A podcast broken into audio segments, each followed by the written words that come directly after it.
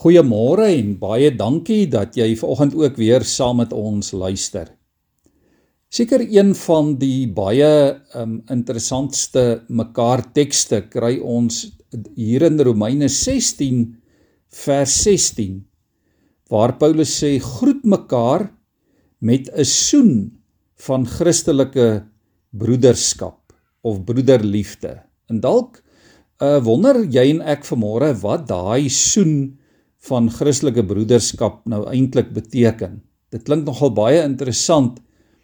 Uh van die ander vertalings, onder andere die Good News Bible sê greet one another with a kiss of peace.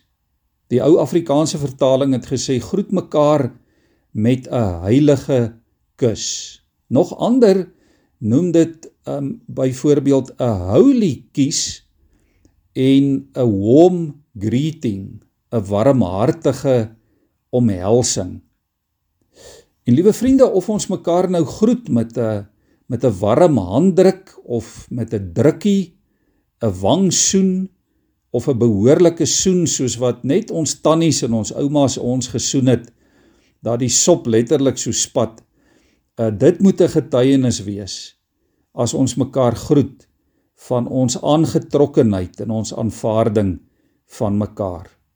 En natuurlik moet dit opreg wees. Ons moet mekaar groet met 'n opregte groet.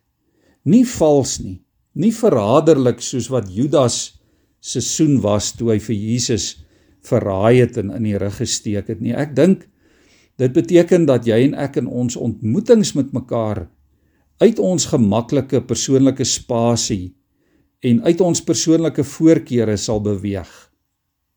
As ons mekaar so groet, broederlik, dan beteken dit jy maak jou hand vir iemand anders oop. Jy steek jou hand uit, jy maak jou hart en jou arms oop vir die ander persoon. En so wys jy dat jy hom of haar respekteer. Dat jy nie op die ander persoon neersien nie. Dat jy haar erken as 'n medekind van God of vir hom. Om mekaar te groet op watter manier ook al as gelowiges wys dat daar nie kwade gevoelens tussen ons is nie. Dit wys ons goedgesindheid teenoor mekaar. In werklikheid is dit 'n seëngroet in die naam van Christus wie se voorbeeld ons volg en in wie se spore ons loop.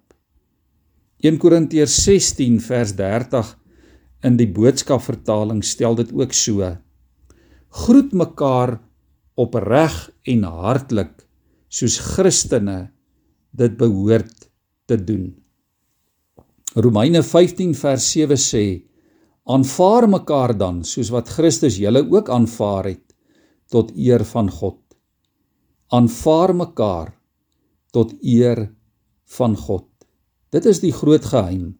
As ons mekaar aanvaar, as ons mekaar aanneem in ons gemeenskap, as ons mekaar verwelkom in ons kring, as jy 'n ander medegelowige of of enige mens toelaat in jou ruimte, as jy hom of haar inneem in jou hart, dan sê Paulus hier in Romeine 15 en 16, dan word God daardeur geëer. Alles wat ons aan mekaar behoort te doen, gaan oor die eer van die Here. Dit gaan nie oor hoe goed dit jou of my dalk laat voel of hoe opbouend dit vir die ander persoon mag wees of hoe positief dit is of hoe goed die daad is of dit gaan nie oor hoe dit die gemeenskap kan bevoordeel op, op of ophef of dat dit so wonderlik is nie dit gaan daaroor dat die Here ons God daardeur verheerlik word Kom ons buig ons hoofde so saam voor hom in gebed. Here, ons gebed vanmôre is dat U sal gee dat ons harte vandag Here vir mekaar sal oopgaan. Dat ons ons hande na mekaar sal uitsteek, dat ons ons arms vir mekaar sal oopmaak. Ja Here, dat ons mekaar in ons eie persoonlike ruimtes in ons leefwêreld sal innooi.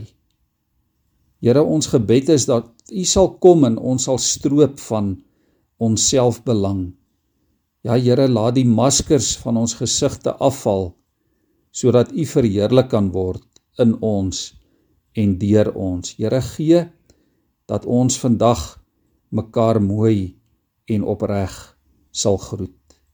Amen.